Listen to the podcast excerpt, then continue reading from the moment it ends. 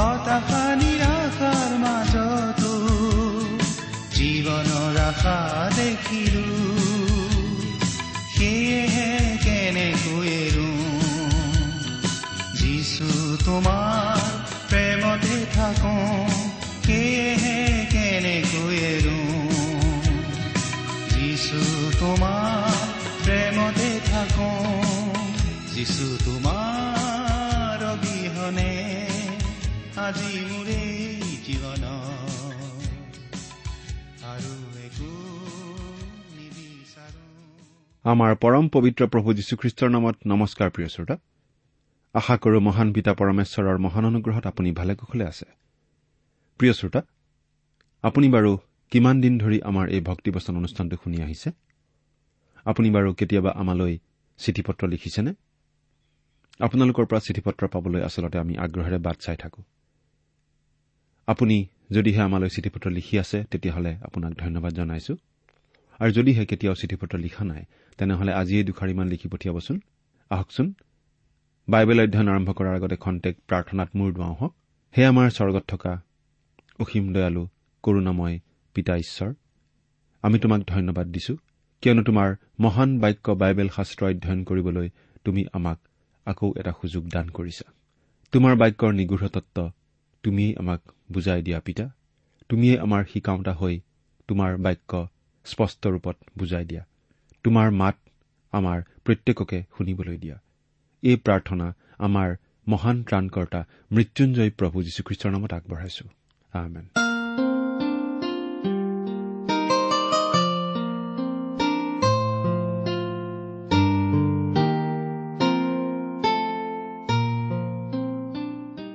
প্ৰিয় শ্ৰোতা আপুনি বাৰু আমাৰ এই ভক্তিবচন অনুষ্ঠানটো নিয়মিতভাৱে শুনি আছেনে? আমি বাৰু এতিয়া বাইবেলৰ কোনখন পুস্তক অধ্যয়ন কৰি আছো আপোনাৰ মনত আছেনে? আমি এতিয়া বাইবেলৰ পুৰণি নিয়ম খণ্ডৰ হিতুপদেশ নামৰ পুস্তকখনৰ পৰা অধ্যয়ন চলাই আছো নহয়নে বাৰু? আজিৰ অনুষ্ঠানত আমি এই হিতুপদেশ পুস্তকৰ তেৰ নম্বৰ অধ্যায়ৰ আৰম্ভণিৰ পৰা শেষলৈকে আলোচনা কৰিবলৈ ওলাইছো। এতিয়াও আমি প্ৰজ্ঞাৰ কলেজৰ প্ৰথম বাৰ্ষিকতেই আছো। তথাপিতো আমাৰ প্ৰত্যেকৰ জীৱনৰ বাবে সৰু সৰু অথচ অতি মূল্যৱান কথা আমি ইয়াত জানিব পাৰিম। এই শিক্ষাবোৰ যদি আমি বাস্তৱ জীৱনত প্ৰয়োগ কৰিব পাৰো তেন্তে আমাৰ জীৱন নিশ্চয় ধন্য হ'ব আমাৰ জীৱন নিশ্চয় সফল হ'ব। কাৰণ মনত ৰাখিব যে প্ৰতিদিনৰ সৰু সৰু কৰ্মৰাজি পুঞ্জীভূত হৈহে জীৱনৰ মহান চৰিত্ৰ গঠন কৰে। গতিকে প্ৰজ্ঞাৰ শিক্ষা আমাৰ দৃষ্টিত জনা শুনা বিধৰ হলেও ইয়াক যেন আমি অৱহেলা নকৰো। ইয়াৰ প্ৰতি আমি অধিক যত্নবান হোৱা উচিত। এতিয়া আমি হিতুপদেশ পুস্তকৰ তেৰ নম্বৰ অধ্যায়ৰ প্ৰথম পদটি পাঠ কৰিব খুজিছো। যদিহে লগত বাইবেল আছে চাই যাব। আৰু যদিহে লগত বাইবেল নাই অনুগ্ৰহ কৰি মন দি শুনিব। পাঠ কৰি দিছো। জ্ঞানবান পুত্ৰই পিতৃৰ কথা শুনে। কিন্তু নিন্দকে অনুযোগলৈ কাণ নিদিয়ে। প্ৰিয় শ্ৰোতা নিজ পিতৃৰ কথা শুনাত কেনে আশীৰ্বাদ আছে সেই বিষয়ে আমি মাজে সময়ে কৈ আহিছো। তথাপিতো আমি আগতে আলোচনা কৰি অহা কেইজনমান ব্যক্তিৰ জীৱনৰ যোগেদি যদি ইয়াৰ উদাহৰণ বিচাৰো তেন্তে বুজি পোৱাত নিশ্চয় সহজ হ'ব। চলোমন আৰু ডায়ুদৰ কথা আপুনি নিশ্চয় মনত পেলাব পাৰে। চলোমন ডায়ুদৰ পুত্ৰ আছিল হয় কিন্তু তেওঁ ডায়ুদৰ বৰ প্ৰিয় পুত্ৰ আছিল বুলি আমি হলে ডাঠি ক'ব নোৱাৰো। হলেও চলোমন ডায়ুদৰ বাধ্য আছিল আৰু ডায়ুদৰ কথা শুনিছিল। সেইকাৰণে চলোমন এজন ডাঙৰ ৰজা হ'ব পাৰিছিল। তেওঁৰ সুখ্যাতি আজিও মাৰ যোৱা নাই। আনহাতে চলোমনৰ পুত্ৰ ৰহবিয়াম অবাধ্য আছিল আৰু পিতৃৰ কথা নুশুনিছিল। সেইকাৰণে তেওঁৰ জীৱনলৈ অন্ধকাৰ নামি আহিছিল। চলোমন আৰু ৰহবিয়ামক আমাৰ উদাহৰণ হিচাপে লৈ আমি পিতৃৰ বাধ্য হম নে নহম এই কথা নিৰ্ণয় কৰি ল'ব পাৰো।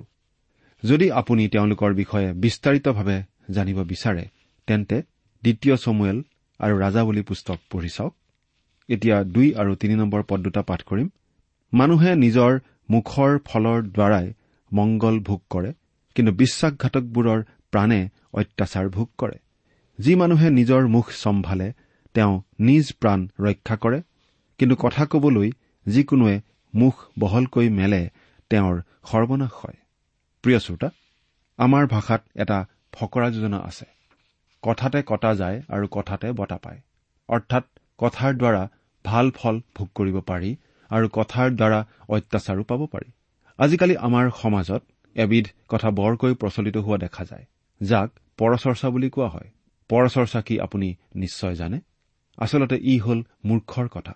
বিভিন্ন ৰূপত আমি পৰচৰ্চা শুনিবলৈ পাওঁ। কিছুমান ভদ্ৰ পৰিচৰ্যাকাৰীৰ মুখতো আমি এনেকুৱা পৰচৰ্চা শুনিবলৈ পাওঁ। আনকি মণ্ডলীতো আমি পৰচৰ্চা শুনিবলৈ পাওঁ। কিন্তু পৰচৰ্চাৰ ধৰণ যিয়েই নহওক কিয় ঈশ্বৰৰ দৃষ্টিত ই এক অপৰাধ আৰু নিজৰ কাৰণেও হানিকাৰক। সেইকাৰণে পৰচৰ্চাৰ পৰা আমি আঁতৰি থাকিব লাগে। আজিকালি যৌন ব্যভিচাৰৰ ক্ষেত্ৰত অতিমাত্ৰা পৰচৰ্চা শুনিবলৈ পোৱা যায়। কিন্তু এই ধৰণৰ পৰচৰ্চাই কাকো অলপো সহায় নকৰে বৰং আচলতে ক্ষতিহে কৰে। বহু সময়ত শুনা যায় যে আমুকে আমুকাৰ তিৰোতাক লৈ পলাই গ'ল বা আমুক ল'ৰা আৰু আমুকী ছোৱালী বেভিচাৰত পৰিছে এইবিলাক পোনপটীয়াকৈ নহলেও আওপকীয়াকৈ পৰচৰ্চাৰ ফল বুলিয়ে আমি ক'ব পাৰোঁ। পৰচৰ্চা নকৰি যদি আমি যোৱা অনুষ্ঠানত কোৱাৰ দৰে ন্যায়ভাৱে কথা কলোহেঁতেন তেন্তে ইজনে সিজনক সহায় কৰা হলহেঁতেন। বাৰু যি কি নহওক পৰচৰ্চা যাতে আমাৰ পৰা আঁতৰত থাকে তাৰ বাবে ডেকাসকলক সাৱধান কৰি দিয়া হৈছে। চাৰি নম্বৰ পদ পঢ়িছো। এলেহুৱাৰ প্ৰাণে ইচ্ছা কৰিও একো নাপায় কিন্তু পৰিশ্ৰমীবিলাকৰ প্ৰাণ পৰিতৃপ্ত হয়। প্ৰিয় শ্ৰোতা এই কথাটোকেই পাচনি পৌলে থিচলনিকীয়াসকললৈ লিখা দ্বিতীয়খন পত্ৰৰ তিনি নম্বৰ অধ্যায়ৰ দহ নম্বৰ পদটোত এনেদৰে কৈছে কিয়নো কাম কৰিবলৈ যদি কোনোৱে অসন্মত হয় তেন্তে তেওঁ আহাৰো নকৰক। এইবুলি তোমালোকৰ মাজত থাকোতেই মই তোমালোকক আদেশ দিছিলো। কিন্তু কিছুমান অতি ধাৰ্মিক মানুহে কবলৈ ইচ্ছা কৰে যে আমি যিহেতু ঈশ্বৰৰ ওপৰত নিৰ্ভৰ কৰিছো গতিকে কাম নকৰিলেও হ'ব। ঈশ্বৰে আমাক সকলো যোগাব।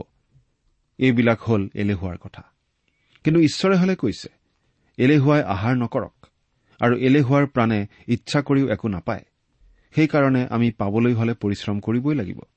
আৰু কোনোবাই যদি সঁচাকৈ আশা কৰে যে প্ৰভু যীশু সোনকালে আহক তেন্তে তেওঁ আৰু বেছিকৈহে পৰিশ্ৰম কৰিব লাগে। এই বিষয়ে আমি আগতেও কৈ আহিছো। এতিয়া পাঁচ আৰু ছয় নম্বৰ পদ দুটা পাঠ কৰি দিব খুজিছো।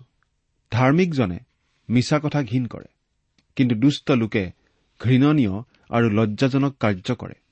ধাৰ্মিকতাই সিদ্ধ আচৰণ কৰোতাক ৰক্ষা কৰে কিন্তু দুষ্টতাই পাপীক বিনষ্ট কৰে। প্ৰিয় শ্ৰোতা ইয়াৰ দ্বাৰা ঈশ্বৰে আমাৰ একেবাৰে অন্তৰৰ ভিতৰৰ কথাখিনি কৈ দিছে। প্ৰতিজন ধাৰ্মিক লোকৰ বাবে ই একেবাৰে সত্য কথা। ঈশ্বৰে পাপক ঘীন কৰে আৰু পাপ কোনোমতে সহ্য কৰিব নোৱাৰে। ঈশ্বৰৰ সন্তানসকলে এই কথাটো ভালদৰে জনা দৰকাৰ আৰু তেওঁৰ জীৱনত থকা পাপৰ বিষয়টো ভালদৰে নিষ্পত্তি কৰিব লাগে। অৱশ্যে পাপ পুৰণি পুৰুষৰ চৰিত্ৰ হোৱা হেতুকে খ্ৰীষ্টীয় লোকৰ মনলৈও ই আহিব পাৰে। তথাপিতো ঈশ্বৰে যিহেতু ইয়াক ঘীন কৰে সেইকাৰণে আমিও ইয়াক লঘুকৈ ল'ব নালাগে আমিও ইয়াক ঘীন কৰিবলৈ শিকিব লাগে। কোনো কোনোৱে নিজকে ধনী দেখুৱায় কিন্তু তেওঁৰ একো নাই। কোনো কোনোৱে নিজকে দৰিদ্ৰ দেখুৱায় কিন্তু তেওঁৰ বহুত ধন আছে। প্ৰিয় শ্ৰোতা এইটো পুৰণি পুৰুষৰ আন এটি চৰিত্ৰ। নিজৰ যিমান নাই তাতকৈ বেছি দেখুৱাব খোজা প্ৰবল ইচ্ছা এটা বহুতৰেই দেখা পোৱা যায়। ঈশ্বৰৰ দৃষ্টিত এইটোও ভাল নহয়। ইয়াৰ দ্বাৰা আচলতে একো লাভ নহয়। কিন্তু কেতিয়াবা বেয়াকৈ লাজ পোৱাৰ আশংকাহে থাকে। ধন সম্পত্তিৰ ক্ষেত্ৰত মানুহ সদায় স্বাভাৱিক হ'ব লাগে। এই স্বাভাৱিকতাই মনত এক বিৰল আনন্দ দিয়ে। ইয়াৰ বিপৰীতে আন এক শ্ৰেণীৰ মানুহ আছে যিসকল প্ৰকৃততেই ধনী কিন্তু সদায় অভাৱৰ কথাকেই কৈ থাকে। পইচা খৰচ কৰিবলৈ বৰ টান পায়। আনকি ঈশ্বৰৰ নামত দান দিবলৈকো টান পায়। কিন্তু আমি দুখীয়াই হওঁ বা ধনীয়েই হওঁ উভয় ক্ষেত্ৰতেই অতি স্বাভাৱিক হ'ব লাগে। অতিমাত্ৰা আচৰণ ঈশ্বৰে বেয়া পায় আৰু তেওঁৰ দৃষ্টিত ই ভণ্ডামী। ওচৰ চুবুৰীয়া ধনী হওক বা দুখীয়া হওক তাক লৈ আমাৰ মূৰ ঘমোৱাৰ আচলতে কোনো দৰকাৰ নাই। ন নম্বৰ পদটো পাঠ কৰি দিছো। ধাৰ্মিকবিলাকৰ প্ৰদীপ ভালকৈ জ্বলে কিন্তু দুষ্টবোৰৰ চাকি নুমাই যায়। প্ৰিয় শ্ৰোতা এই পদটিৰ সত্যতাৰ প্ৰমাণ আমি বাইবেলতেই পাওঁ। ৰাজাৱলী পুস্তক আলোচনা কৰোতে আমি পাই আহিছো যে ইছৰাইলৰ উত্তৰখণ্ডত ইজনৰ পিছত সিজনকৈ বহুকেইজন ৰজা হৈছিল। কিন্তু তেওঁলোকৰ প্ৰায় কেইজনকেই বৰ নিষ্ঠুৰভাৱে হত্যা কৰা হৈছিল কাৰণ তেওঁলোক দুষ্ট আছিল। তাৰ পৰিৱৰ্তে অব্ৰাহাম মুচি ডায়ুদ চলোমন আদিৰ দৰে কিছুমান মানুহ আমি বাইবেলত পাওঁ যিসকলে অতি বৃদ্ধ বয়সলৈকে অতি মহৎ মহৎ কাৰ্য কৰি আছিল। সেইকাৰণে ঈশ্বৰে কৈছে ধাৰ্মিকবিলাকৰ প্ৰদীপ ভালকৈ জ্বলে কিন্তু দুষ্টবোৰৰ চাকি নুমাই যায়। এই ঘটনা আজিও ঘটি আছে। বহুতো দুষ্ট লোকৰ শেষ পৰিণতি কি সেই কথা আমি নিশ্চয় জানো। আমি নিশ্চয় কোনোবা নহয় কোনোবাৰ বিষয়ে জানিব পাৰিছো বা পঢ়িবলৈ পাইছো। দহ নম্বৰ পদটো পঢ়ি দিছো। দৰ্পৰ দ্বাৰাই কেৱল বিবাদহে জন্মে কিন্তু সুপৰামৰ্শ লোৱাবিলাকৰ লগত প্ৰজ্ঞা থাকে। বিবাদ আমি সকলোতেই দেখা পাওঁ। পৰিয়াল সমাজ আনকি মণ্ডলীতো বিবাদ আছে। কিন্তু আচৰিত কথা যে প্ৰায়বোৰ বিবাদৰেই মূল কাৰণ হ'ল দৰ্প। আৰু বিবাদৰ বাবে দুজন বা দুই পক্ষ লাগিবই। এই দুই অবিহনে বিবাদ হ'ব নোৱাৰে। এঘাৰ নম্বৰ পদ। চল কৰি অৰ্জা ধন কমি যায়। কিন্তু যিজনে পৰিশ্ৰমেৰে আৰ্যে তেওঁৰ ধন বৃদ্ধি পায়। এই হিতুপদেশটি আমি চিৰসত্যতাৰ দৃষ্টিভংগীৰে চাব লাগিব। তেতিয়াহে আমি ইয়াৰ সত্যতাৰ প্ৰমাণ পাম। বহুতো ৰজা মহাৰজাৰ নাম আমি জানো যিসকলৰ বিশাল সাম্ৰাজ্য আৰু সিংহাসন পুতেকহঁতে নিমিষতেই নিঃশেষ কৰি দিছে। সেইদৰে বহুতো ধনী মানুহৰ সম্পত্তিও পুতেকহঁতে নাইকিয়া কৰাৰ নজিৰ আমাৰ মাজত আছে। ইয়াৰ কাৰণ হ'ল সেই সম্পত্তিবিলাক পৰিশ্ৰম কৰি অৰ্জন কৰা হোৱা নাছিল। তেনে ধন যে বহুদিন নাথাকে সেই কথা আজিৰ মানুহে নজনাকৈ থকা নাই। এই সত্যতাটো মানুহে জনা হৈছে জানে আৰু সেইকাৰণে আজিকালি বহু সম্পত্তি থকা ধনী মানুহবিলাকে এটা বুদ্ধি কৰিছে যে তেওঁলোকে গোটেই মাটি সম্পত্তিবিলাক আইনৰ শিকলিৰে এনেকৈ বান্ধি থয় যে পাছৰ সন্তানসকলে সেইবিলাক বিক্ৰী কৰিব নোৱাৰে। কিন্তু তাৰ পৰা উপাৰ্জন হোৱা ধনেৰে সন্তানসকলে কাম নকৰাকৈ খাই বৈ অন্তত থাকিব পাৰে। সেইকাৰণে আজিকালি আমি নগৰে চহৰে এনে কিছুমান মানুহ দেখা পাওঁ যিসকলে একো কাম বন নকৰে বৰং সুন্দৰকৈ খাই বৈ আছে। এই শ্ৰেণীৰ বহু লোক আছে। কিন্তু এনে লোক আছে যিসকলৰ দেখাত অগাধ সম্পত্তি আছে কিন্তু সেইবিলাকৰ একছত্ৰী অধিকাৰী তেওঁলোক আচলতে নহয়। সেইবিলাক তেওঁলোকে বিক্ৰী বা হস্তান্তৰ কৰিব নোৱাৰে। আৰু যদি তেনে কৰিব পাৰিলেহেঁতেন তেন্তে অলপ দিনৰ ভিতৰতেই সেইবিলাক বিক্ৰী কৰি শেষ কৰি দিলেহেঁতেন। এইবোৰৰ পৰা আজি আমিও জানিব পাৰো যে ঈশ্বৰে কোৱা এই কথাটি সঁচা যে চল কৰি অৰ্জা ধন বেছিদিন নাথাকে। অৱশ্যে যিমানেই ধন সম্পত্তি নাথাকক কিয়? সেই সকলো অনন্তকলীয়া নহয়। সেইবিলাক চুৰ কৰি নিনিলেও বা বিক্ৰী নকৰিলেও আমাক মৃত্যুৱে এদিনাখন চুৰ কৰি লৈ যাব। তেতিয়া আমি এই সকলোবিলাক এৰি থৈ যাব লাগিব। সেইকাৰণে আমাৰ সকলোৰে বাবে পৰম ধন হ'ল আচলতে আমাৰ আত্মাৰ পৰিত্ৰাণ। ঈশ্বৰে প্ৰভু যীশুৰ যোগেৰে দিয়া ধাৰ্মিকতা। সেই পৰিত্ৰাণ যদি আপুনি পাইছে তেন্তে আপুনি অম্লান আৰু অক্ষয় সম্পত্তি পাইছে। যি মৃত্যুৰ পাছতো কেতিয়াও শেষ নহয় কেতিয়াও ক্ষয় নহয় কোনেও চুৰ কৰি লৈ যাব নোৱাৰে কোনেও কাঢ়ি নিব নোৱাৰে। বাৰ নম্বৰ পদটো পঢ়ি দিছো শুনিবচোন। আশা সিদ্ধিৰ পলম হৃদয়ৰ পীড়াজনক। কিন্তু বাঞ্চাৰ সিদ্ধি জীৱন গছস্বৰূপ প্ৰিয় শ্ৰোতা আমাৰ জীৱনত বহু কিবা কিবি পাবলৈ আশা থাকে কিন্তু সেইবিলাক নাপালে মনত দুখ লাগে। সেইকাৰণে আটাইতকৈ উত্তম উপায় হ'ল ঈশ্বৰে আমাক যি দিছে আৰু য'তেই ৰাখিছে তাতেই শান্তিৰে থাকিবলৈ আমি শিকিব লাগে। তেনে কৰিলে আমি প্ৰকৃত শান্তি পাম। তেৰ নম্বৰ পদৰ পৰা পোন্ধৰ নম্বৰ পদলৈ পাঠ কৰি দিছো। যিজনে ঈশ্বৰৰ বাক্য হেয়জ্ঞান কৰে তেওঁ নিজলৈ বিনাশ আনে। কিন্তু যিজনে ঈশ্বৰৰ আজ্ঞালৈ ভয় কৰে তেওঁ পুৰস্কাৰ পায়। মৃত্যুৰূপ ফাণ্ডৰ পৰা আঁতৰাবলৈ জ্ঞানবানৰ শিক্ষা জীৱনৰ ভুমুকস্বৰূপ হয়। সুবুদ্ধিয়ে অনুগ্ৰহ প্ৰদান কৰে। কিন্তু বিশ্বাসঘাতকবোৰৰ পথ দুৰ্গম। প্ৰিয় শ্ৰোতা গোটেই হিতুপদেশ পুস্তকত ঈশ্বৰে ধাৰ্মিকৰ বিৰুদ্ধে দুষ্টৰ কথা কৈ আহিছে। দুষ্টতা ঈশ্বৰে ঘীন কৰে। ঈশ্বৰে গৰ্ব ঘীন কৰে। আইনহীনতাক ঘীন কৰে। ভণ্ডামী ঘীন কৰে। আমি মানৱ জাতিৰ এইবিলাক বেয়া স্বভাৱৰ লগত ঈশ্বৰৰ কোনো সকাম নাই। এইবিলাক পুৰণি পুৰুষৰ স্বভাৱ। এই স্বভাৱবোৰৰ সৈতে ঈশ্বৰে আমাক স্বৰ্গলৈ নিব নোৱাৰে। আমি যদি প্ৰভু যীশুক আমাৰ পৰিত্ৰাতা প্ৰভুৰূপে স্বীকাৰ কৰিছো তেন্তে আমি স্বৰ্গলৈ নিশ্চয় যাম। কিন্তু যোৱাৰ আগতে এইবিলাক পুৰণি স্বভাৱৰ পৰা ঈশ্বৰে আমাক মুক্ত কৰিব আমাক নিষ্কলংকিত কৰিব। সেইকাৰণে আজিয়েই এই পাপবোৰৰ পৰা আমি আঁতৰি থাকিবলৈ চেষ্টা কৰিব লাগে। আমাৰ পৰা ঈশ্বৰে কি বিচাৰে? সেই বিষয়ে যিচয়া ছয়ষষ্ঠি নম্বৰ অধ্যায়ৰ দুই নম্বৰ পদত এইদৰে কোৱা হৈছে শুনিবচোন। কিয়নো এই সকলোকে মোৰ হাতে নিৰ্মাণ কৰিলে। এই নিমিত্তে এই সকলো হ'ল ইয়াক ঈশ্বৰে কৈছে। কিন্তু এজনলৈহে দুখীয়া ভগ্নচিত্তীয়া আৰু মোৰ বাক্যত কঁপা এনে মানুহলৈ মই দৃষ্টি কৰিম। হয় প্ৰিয় শ্ৰোতা আমি যদি ঈশ্বৰৰ ওচৰলৈ গৰ্ব অহংকাৰেৰে আহোঁ তেন্তে ঈশ্বৰে আমাক কেতিয়াও গ্ৰহণ নকৰিব। কিন্তু নম্ৰ আৰু ভগ্ন চিত্তেৰে আহিব লাগিব। তেতিয়াহে তেওঁ আমাক গ্ৰহণ কৰিব। এয়া ঈশ্বৰৰ নিৰ্দেশ। এই নিৰ্দেশ আমি অগ্ৰাহ্য যাতে নকৰো হওক। সোতৰ নম্বৰ পদটো পঢ়িছো।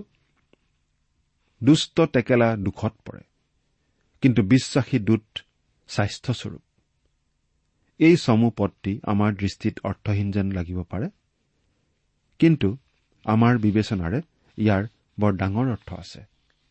কাৰণ ইয়াত টেকেলাৰ দ্বাৰাই ওখ পদত থকা চৰকাৰী বিষয়াসকলক বুজোৱা হৈছে। বিশেষকৈ সামৰিক বিষয়াসকলৰ কথাকেই ভাবকচোন। তেওঁলোকৰ হাতত দেশৰ গুৰুত্বপূৰ্ণ বিষয়বিলাক থাকে। সেইবিলাক তেওঁলোকে অতি গোপনে ৰাখিব লগা হয়। কাৰণ শত্ৰু দেশে সেইবিলাক কেনেবাকৈ জানিলে দেশৰ কাৰণে ভয়ানক বিপদ হ'ব পাৰে। সেইকাৰণে সেই বিষয়াসকল গুপুত কথা গুপুতে ৰখাত অতি সতৰ্ক হ'বলগীয়া হয়। অৱশ্যে তেওঁলোকে যথেষ্ট সতৰ্কতা অৱলম্বন কৰে। কিন্তু তেওঁলোকৰ যদি কিবা বেয়া স্বভাৱ থাকে বা কিবা দুৰ্বলতা থাকে তেন্তে সেই সুযোগতে শত্ৰুসকলে বিষয়াসকলক হাত কৰি লয় আৰু গোপন তথ্যবিলাক বাহিৰ কৰি উলিয়াবলৈ চেষ্টা কৰে আৰু বহু সময়ত সফল হয়। সেইকাৰণে এনে গুৰু দায়িত্বত থকা চৰকাৰী বিষয়াসকল অতি সতৰ্ক হ'বলগীয়া হয় আৰু বেয়াৰ প্ৰতি থকা দুৰ্বলতাৰ পৰা আঁতৰি থাকিব লাগে। কিন্তু আজিকালি বহুতো উচ্চ পদত থকা বিষয়াই এনেকুৱা বিভিন্ন ধৰণৰ বেয়া কাৰ্যত লিপ্ত থকা দেখা যায়। এইটো পৃথিৱীৰ চাৰিওফালে এটা ডাঙৰ সমস্যা। সেইকাৰণে হিতুপদেশত কোৱা এই সৰু বাক্যটি কেৱল আমাৰ দেশ বুলিয়ে নহয় প্ৰতিজন নাগৰিকৰ বাবেই অতি প্ৰয়োজনীয়। এইবাৰ আমি ওঠৰ নম্বৰ পদৰ পৰা বাইশ নম্বৰ পদলৈকে পাঠ কৰি দিম। যিজনে শিক্ষা অগ্ৰাহ্য কৰে তেওঁ দৰিদ্ৰতা আৰু লাজ পায়। কিন্তু যিজনে অনুযোগ মান্য কৰে তেওঁ সন্মান পায়। বাঞ্চাসিদ্ধিয়ে মনত সোৱাদ লগায় কিন্তু মন্দৰ পৰা আঁতৰি থকা অজ্ঞানবোৰৰ ঘীনলগীয়া। তুমি জ্ঞানীবিলাকৰ লগত আলাপ কৰা তাতে তুমি জ্ঞানী হবা। কিন্তু অজ্ঞানবোৰৰ লগৰীয়াই ক্লেশ পায়। আপদে পাপীবোৰৰ পাছে পাছে ঘূৰি ফুৰে। কিন্তু ধাৰ্মিকবিলাকক উত্তম পুৰস্কাৰ দিয়া যায়। সৎলোকে নিজৰ পু নাতি আদিক উত্তৰাধিকাৰ দি যায়। কিন্তু পাপীৰ ধন সম্পত্তি ধাৰ্মিকৰ নিমিত্তেহে সঁচা হয়। প্ৰিয় শ্ৰোতা আমি ভাবো যে এই পদকেইটিৰ বিশ্লেষণৰ বিশেষ একো প্ৰয়োজন নাই। আমি সকলোৱেই এইবিলাক কথা কম বেছি পৰিমাণে নিশ্চয় জানো। কিন্তু প্ৰশ্ন হ'ল এইবিলাক উপদেশ মানি চলাৰ ইচ্ছা আমাৰ আছেনে নাই সেইটোহে আচল কথা। আশা কৰো মানি চলাৰ শক্তি ঈশ্বৰে আমাক সকলোকে দিব। এইবাৰ তেইছ নম্বৰ পদৰ পৰা পঁচিছ নম্বৰ পদলৈ পাঠ কৰি দিছো শুনিবচোন। দুখীয়াবিলাকে নতুন মাটি চহালে বহুত শস্য উৎপন্ন হয়। কিন্তু অন্যায়ৰ কাৰণে কোনো কোনো লোক নষ্ট হয়। যিজনে নিজৰ পুতেকক চেকনি নিদিয়ে তেওঁ তাক ঘীন কৰে। কিন্তু যিজনে তাক স্নেহ কৰে তেওঁ উচিত সময়ত তাক শাস্তি দিয়ে। ধাৰ্মিকে হেঁপাহ পলোৱাকৈ আহাৰ খায় কিন্তু দুষ্টবোৰ সুদা পেটেৰে থাকে।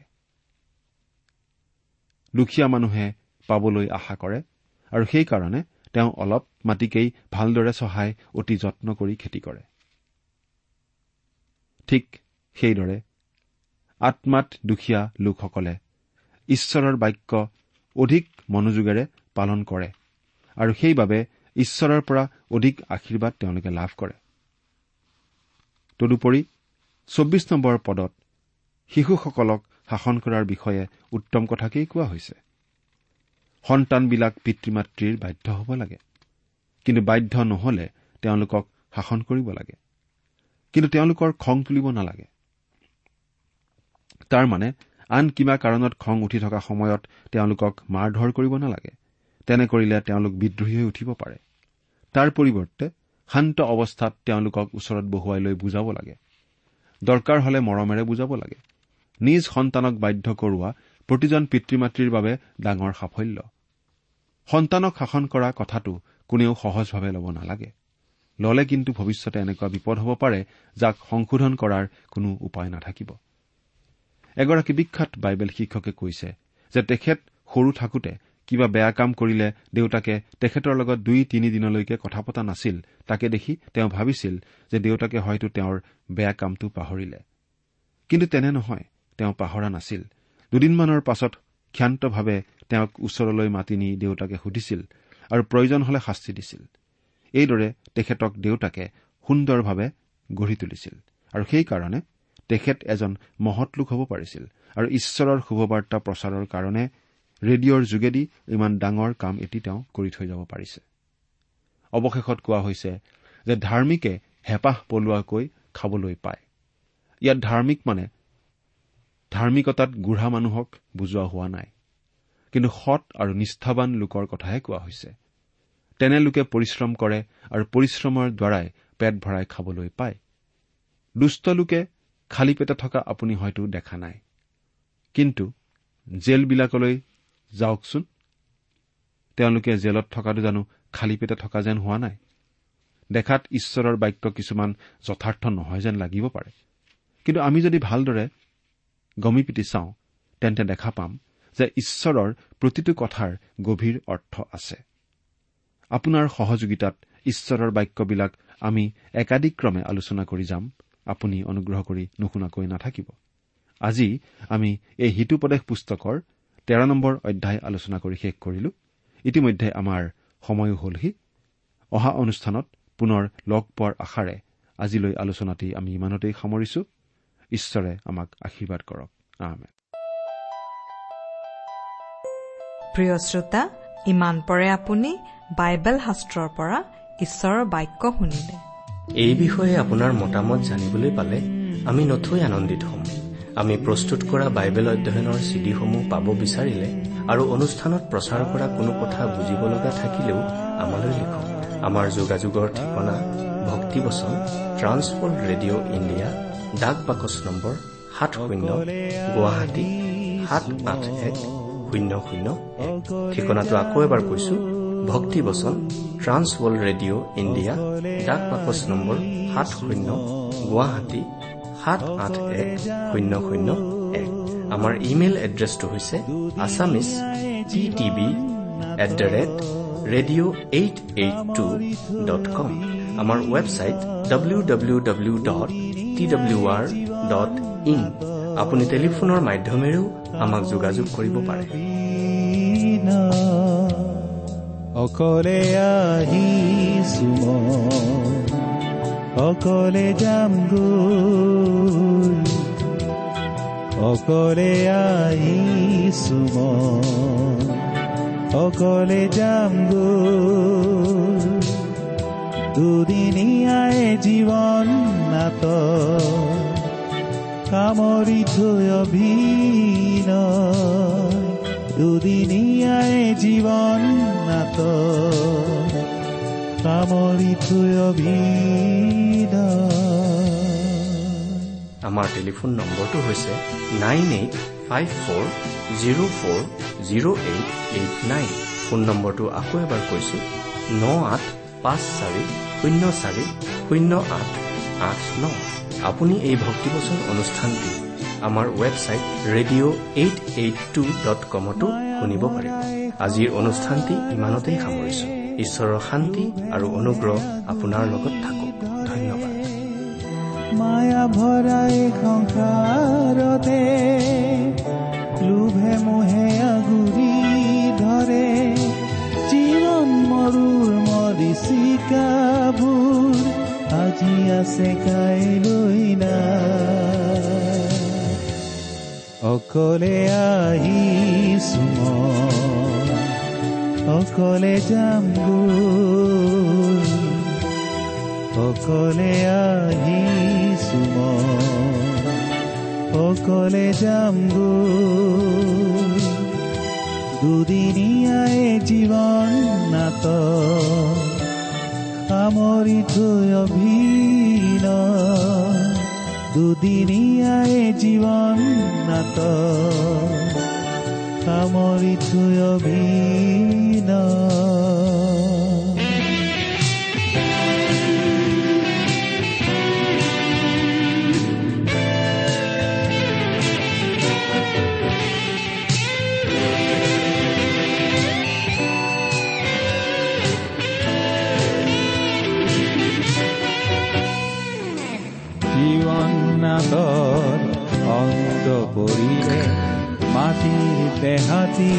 be